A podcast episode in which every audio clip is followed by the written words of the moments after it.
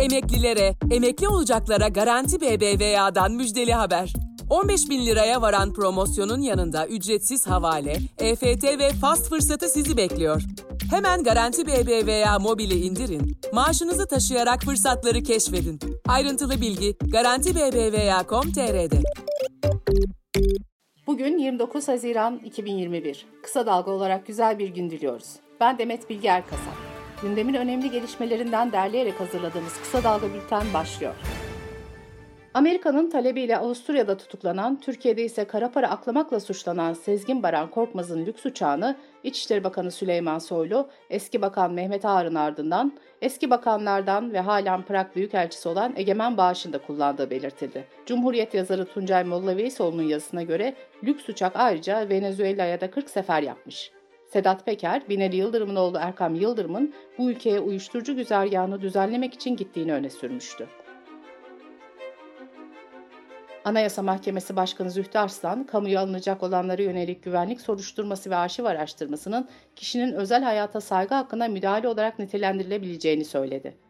1984 romanına da atıfta bulunan Arslan, George Orwell yaşasaydı küresel büyük biraderin ortaya çıktığını görmekten dehşete düşerdi ifadelerini kullandı. AYM Başkanı ayrıca mahkemelerin adalet arayışına cevap veremediği, bağımsız ve tarafsız yargılama ilkelerine uygun şekilde uyuşmazlıklara çözüm üretemediği bir yerde hukuk dışı arayışların ortaya çıkması kaçınılmazdır uyarısında bulundu. Taksim'de cumartesi günü düzenlenen 19. Onur Yürüyüşü'ne yönelik polis şiddeti gündemdeki yerini koruyor. Polisin boğazına bastırarak gözaltına aldığı AFP foto muhabiri Bülent Kılıç, dört polis üstümde bir tanesi boynuma bastırıyor. Nefesim kesildi. Orada bir gazeteci öldürülmeye çalışıldı. Orada o insanlar tepki vermese benim cesedim çıkardı dedi. Basın meslek örgütleri basının nefesini kesemezsiniz diyerek polis şiddetine karşı bugün Ankara, İstanbul ve İzmir'de eylem düzenleme kararı aldı. Açıklamada bu gidişe hep birlikte dur demeliyiz denildi.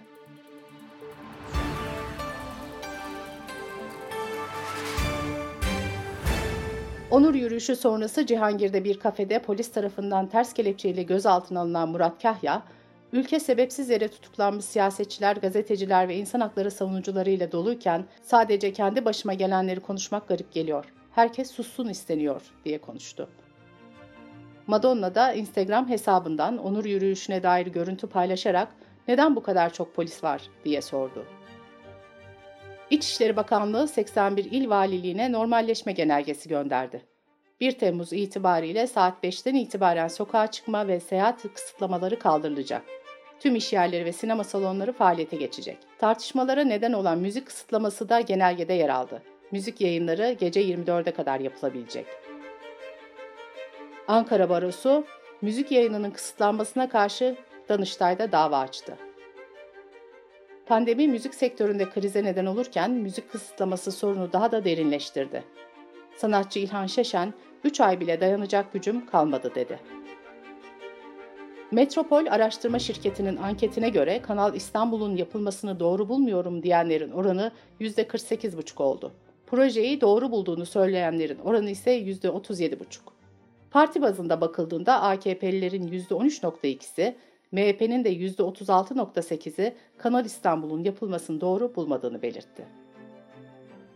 Galatasaraylı milli futbolcu Taylan Antalyalı, gökkuşağı renklerinden oluşan onur yürüyüşüne atıfta bulunan tişörtüyle fotoğraf paylaşınca homofobik tepkilerin hedefi haline geldi. Birçok sosyal medya kullanıcısı, spor yazarı ve muhabiri ise Antalyalı'ya destek çıktı. Covid-19 haberleriyle devam ediyoruz. Dünya Sağlık Örgütü Delta varyantının şu ana kadar 92 ülkede görüldüğünü açıkladı. Portekiz'de kısıtlamalar yeniden uygulanmaya başlandı. İspanya'nın bazı bölgelerinde delta vakaları %20 seviyelerine çıktı. Endonezya'da delta varyantı ciddi endişelere neden olurken günlük yeni vaka sayısı 21 bine kadar ulaştı. Tayland'da da vakalar arttı, kısıtlamalar yeniden uygulanmaya başladı. Türk Tabipleri Birliği, Türkiye dahil çok sayıda ülkede görülen delta varyantına karşı hükümete çağrıda bulundu. Açıklamada aşılamanın yapıldığı ilk gruplar olan sağlık çalışanları ve 65 yaş üzeri yurttaşlara varyanta karşı etkili aşıların yapılması istendi. İstanbul Tabip Odası Üsküdar'da düzenlenen aşı karşıtı eylemde bir konuşma yapıp aşı yapan hekimlerin yargılanacağını söyleyen Doktor Bilgehan Bilge için soruşturma başlattı. Sırada ekonomi haberleri var. Birçok bürokratın ve siyasetçinin çifte maaş aldığı ortaya çıkarken yargıdan emekli öğretmenlerle ilgili karar çıktı. Anayasa Mahkemesi emekli öğretmenlerin ücret karşılığında derse girmesi halinde emekli maaşlarının kesilmesi gerektiğine hükmetti. Geçen yıl Mart ayından beri devam eden kısa çalışma ödeneği desteğinde süre yarın doluyor. Yeni bir düzenleme olmazsa kısa çalışma ödeneği, işten çıkarma yasağı ve ücretsiz izin desteği uygulamaları çarşamba günü sona erecek. İngiltere'deki Finansal Yönetim Otoritesi dünyanın en büyük kripto para borsası olan Binance'i yasakladı. Dış politika ve dünyadan gelişmelerle devam ediyoruz. Pentagon, Amerikan ordusunun Irak-Suriye sınırında İran yanlısı milislerin kontrolünde olduğu belirtilen bazı hedeflere hava saldırısı düzenlendiğini duyurdu. ABD Savunma Bakanlığı harekatın geçen aylarda bölgedeki Amerikan hedeflerine yönelik saldırılara cevaben yapıldığını bildirdi. 32 ülkeden binlerce askerin katıldığı Karadeniz'de yapılan Sea 2021 askeri tatbikatı NATO'dan gelen tepkilere rağmen başladı. Tatbikat 1997'den bu yana düzenlenen bu türdeki tatbikatların en geniş çaplısı.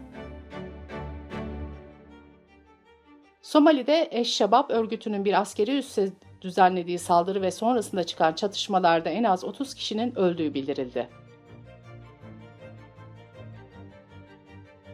Fransa'da Cumhurbaşkanlığı seçimlerinin provası olan bölgesel seçimlerin ikinci turu da Macron ve Le Pen'in partilerinin hezimetiyle sonuçlandı.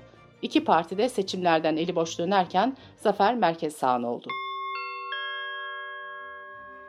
Bültenimizi kısa dalgadan bir öneriyle bitiriyoruz.